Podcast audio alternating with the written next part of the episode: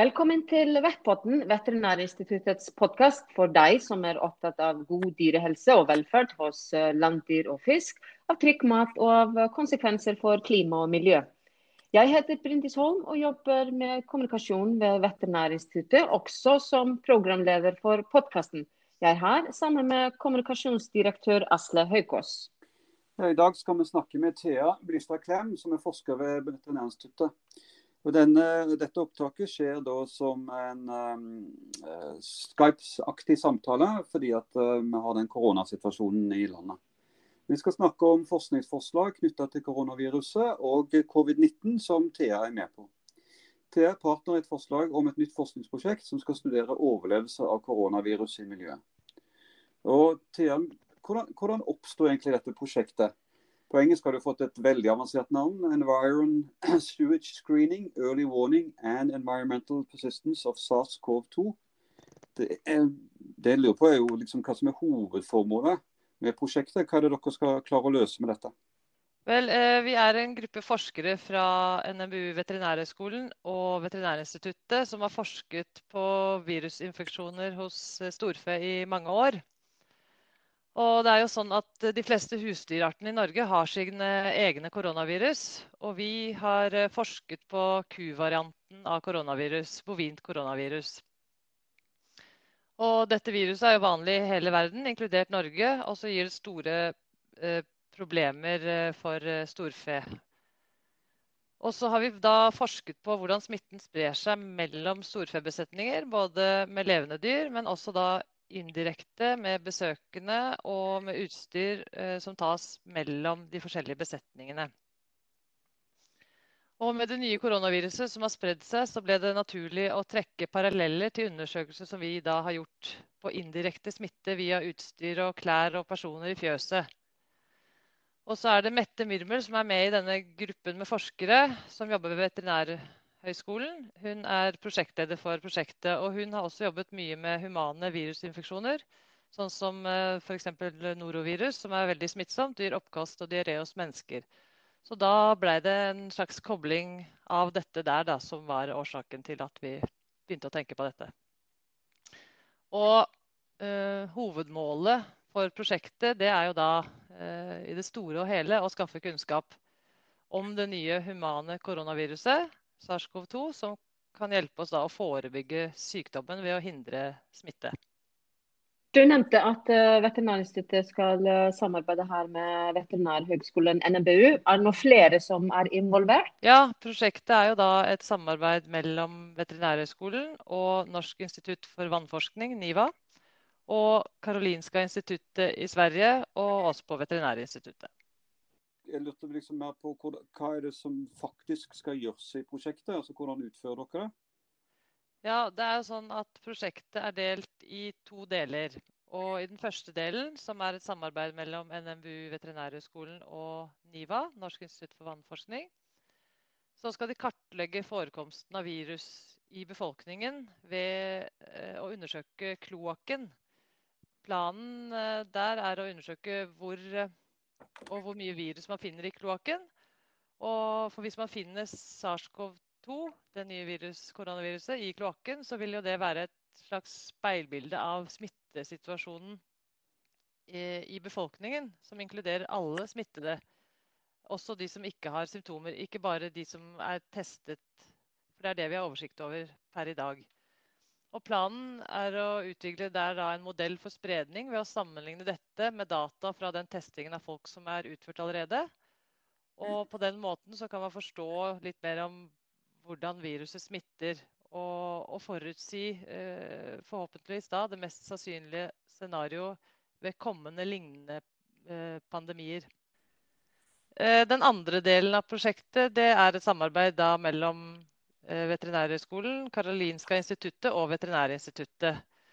Eh, og I den delen skal vi, hvis vi får midler, da undersøke forekomst og varighet av smitte i miljøet.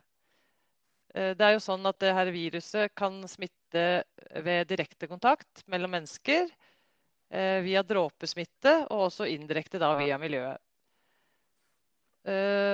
Sånn som at hvis man tar på en ting eh, som koronasmittet, og så overfører virus der, så kan andre ta på det og bli smittet selv hvis de tar seg i ansiktet f.eks. Men når det gjelder indirekte smitte fra miljøet, så mangler man kunnskap. Og det er jo dette vi har undersøkt en del på dette storfeviruset før også, da.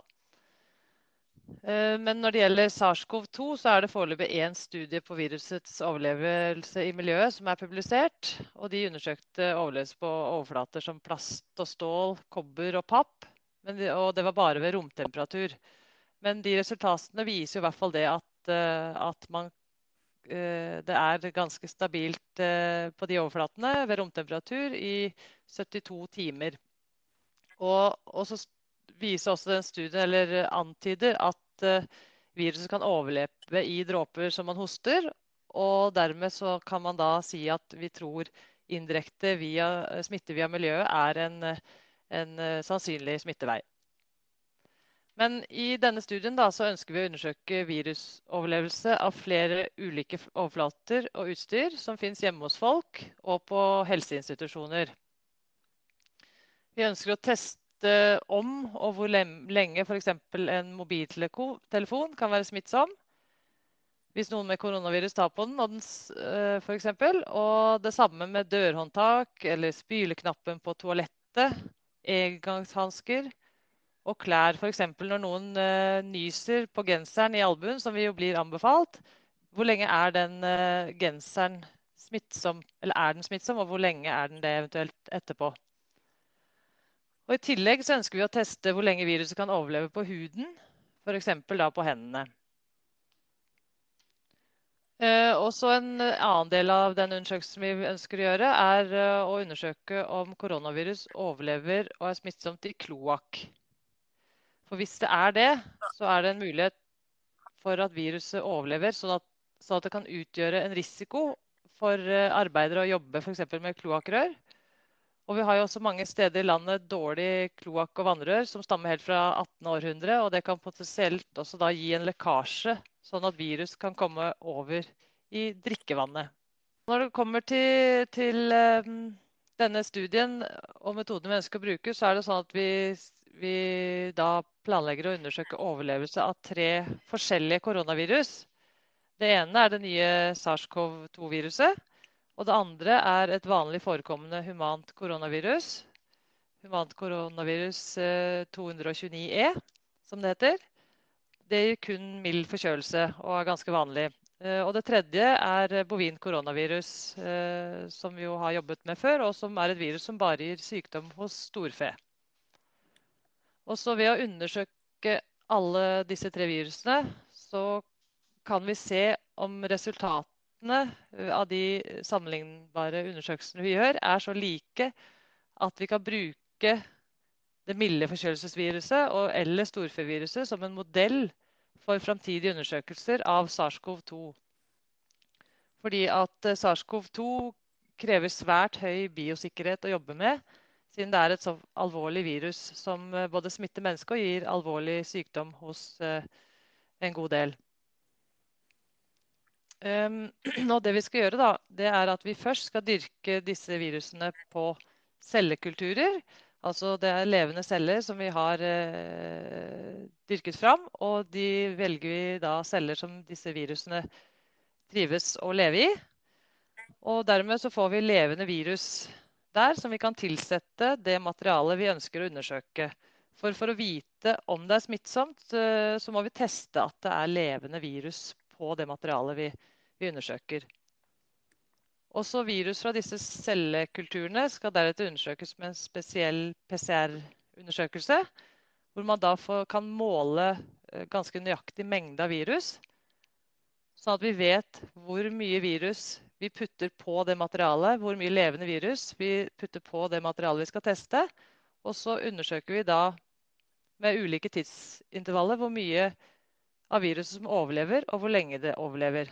Og da kan vi på en måte si noe om etter så og så lang tid, etter to timer, så finner vi så og så mye virus, og da tror vi det er ganske smittsomt. Etter kanskje uh, fire døgn så finner vi ikke noe mer. Da sier vi at det ikke er smittsomt. Så det er tanken med de undersøkelsene. Thea, når dere jobber med sånn eh, virus på laboratoriene, det må jo være farlig å, å jobbe med det? Eller hvordan, eh, hvordan er det på laboratoriene når dere uh, utfører dette? Nei, pga. at det er jo forskjellige alvorlighetsgrader eller biosikkerhetsrisiko ved å jobbe med ulike forskjellige smittsomme agens. og det finnes ulike typer laboratorier hvor man jobber med smittsomme agens avhengig av Eller hvor man har ulike sikkerhetskrav til labbene. Avhengig av hvor skadelig agens man jobber med, og om det kan smitte til mennesker. Så vi, vi skal jobbe på noe som heter eh, BSL3-laboratoriet. Biosafety Level 3 står det for. Og det er bygd opp sånn at man har altså ulike laboratorier med ulike biosikkerhetsnivåer, der BSL1, altså Biosafety level 1, er det laveste nivået, mens Biosafety level 4 er det høyeste.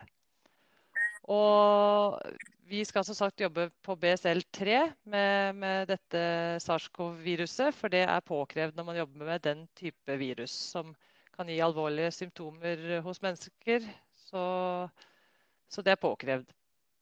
Uh, Thea, hva, hva, tenker du at denne forskningen kommer til å bidra med videre? Altså, selvfølgelig sett at dere får finansiering og klarer å få eh, starta og gjennomført dette prosjektet. Hva tro, betydning tror du det kan ha? Nei, I den studien som vi er med på da, med overlevelse av virus, så vil jo det bety at uh, vi, får, vi, får, kunnskap som er nødvendig for effektive tiltak for å hindre indirekte smitte. Og man har jo satt i gang en del tiltak, men vi vet ikke nok om de eh, er gode nok. Og det kan vi jo da i større grad gjøre en vurdering av, om de vi har er gode nok. Så derfor kan vi forebygge da med dette indirekte smitte i befolkningen og på helseinstitusjoner ved å iverksette effektive tiltak. Mer målrettede. Og I tillegg så håper vi jo da at eh, det at vi gjør undersøkelser og vet mer, vil gi økt tillit i befolkningen til at de tiltakene vi ber, eh, myndighetene ber dem gjøre, de, de, virker. Og at vi forhåpentligvis også da får en bedre oppslutning om disse tiltakene. Ja, nå har du jo egentlig forklart hvorfor det er så viktig å forske på dette koronaviruset. Men er det, er det noen sider her som ikke har, ikke har tatt med nå? Nei, altså det, det, ligger jo litt i det vi har snakket om. Det er, eh, det er jo viktig fordi dette er et helt nytt virus. Det, det oppsto for veldig kort tid siden. Så er det jo så mange eh, kunnskapshull. Og da er det veldig viktig å ha dokumentert eh, kunnskap om det. Det vi, vi gjør for å forhindre smitte.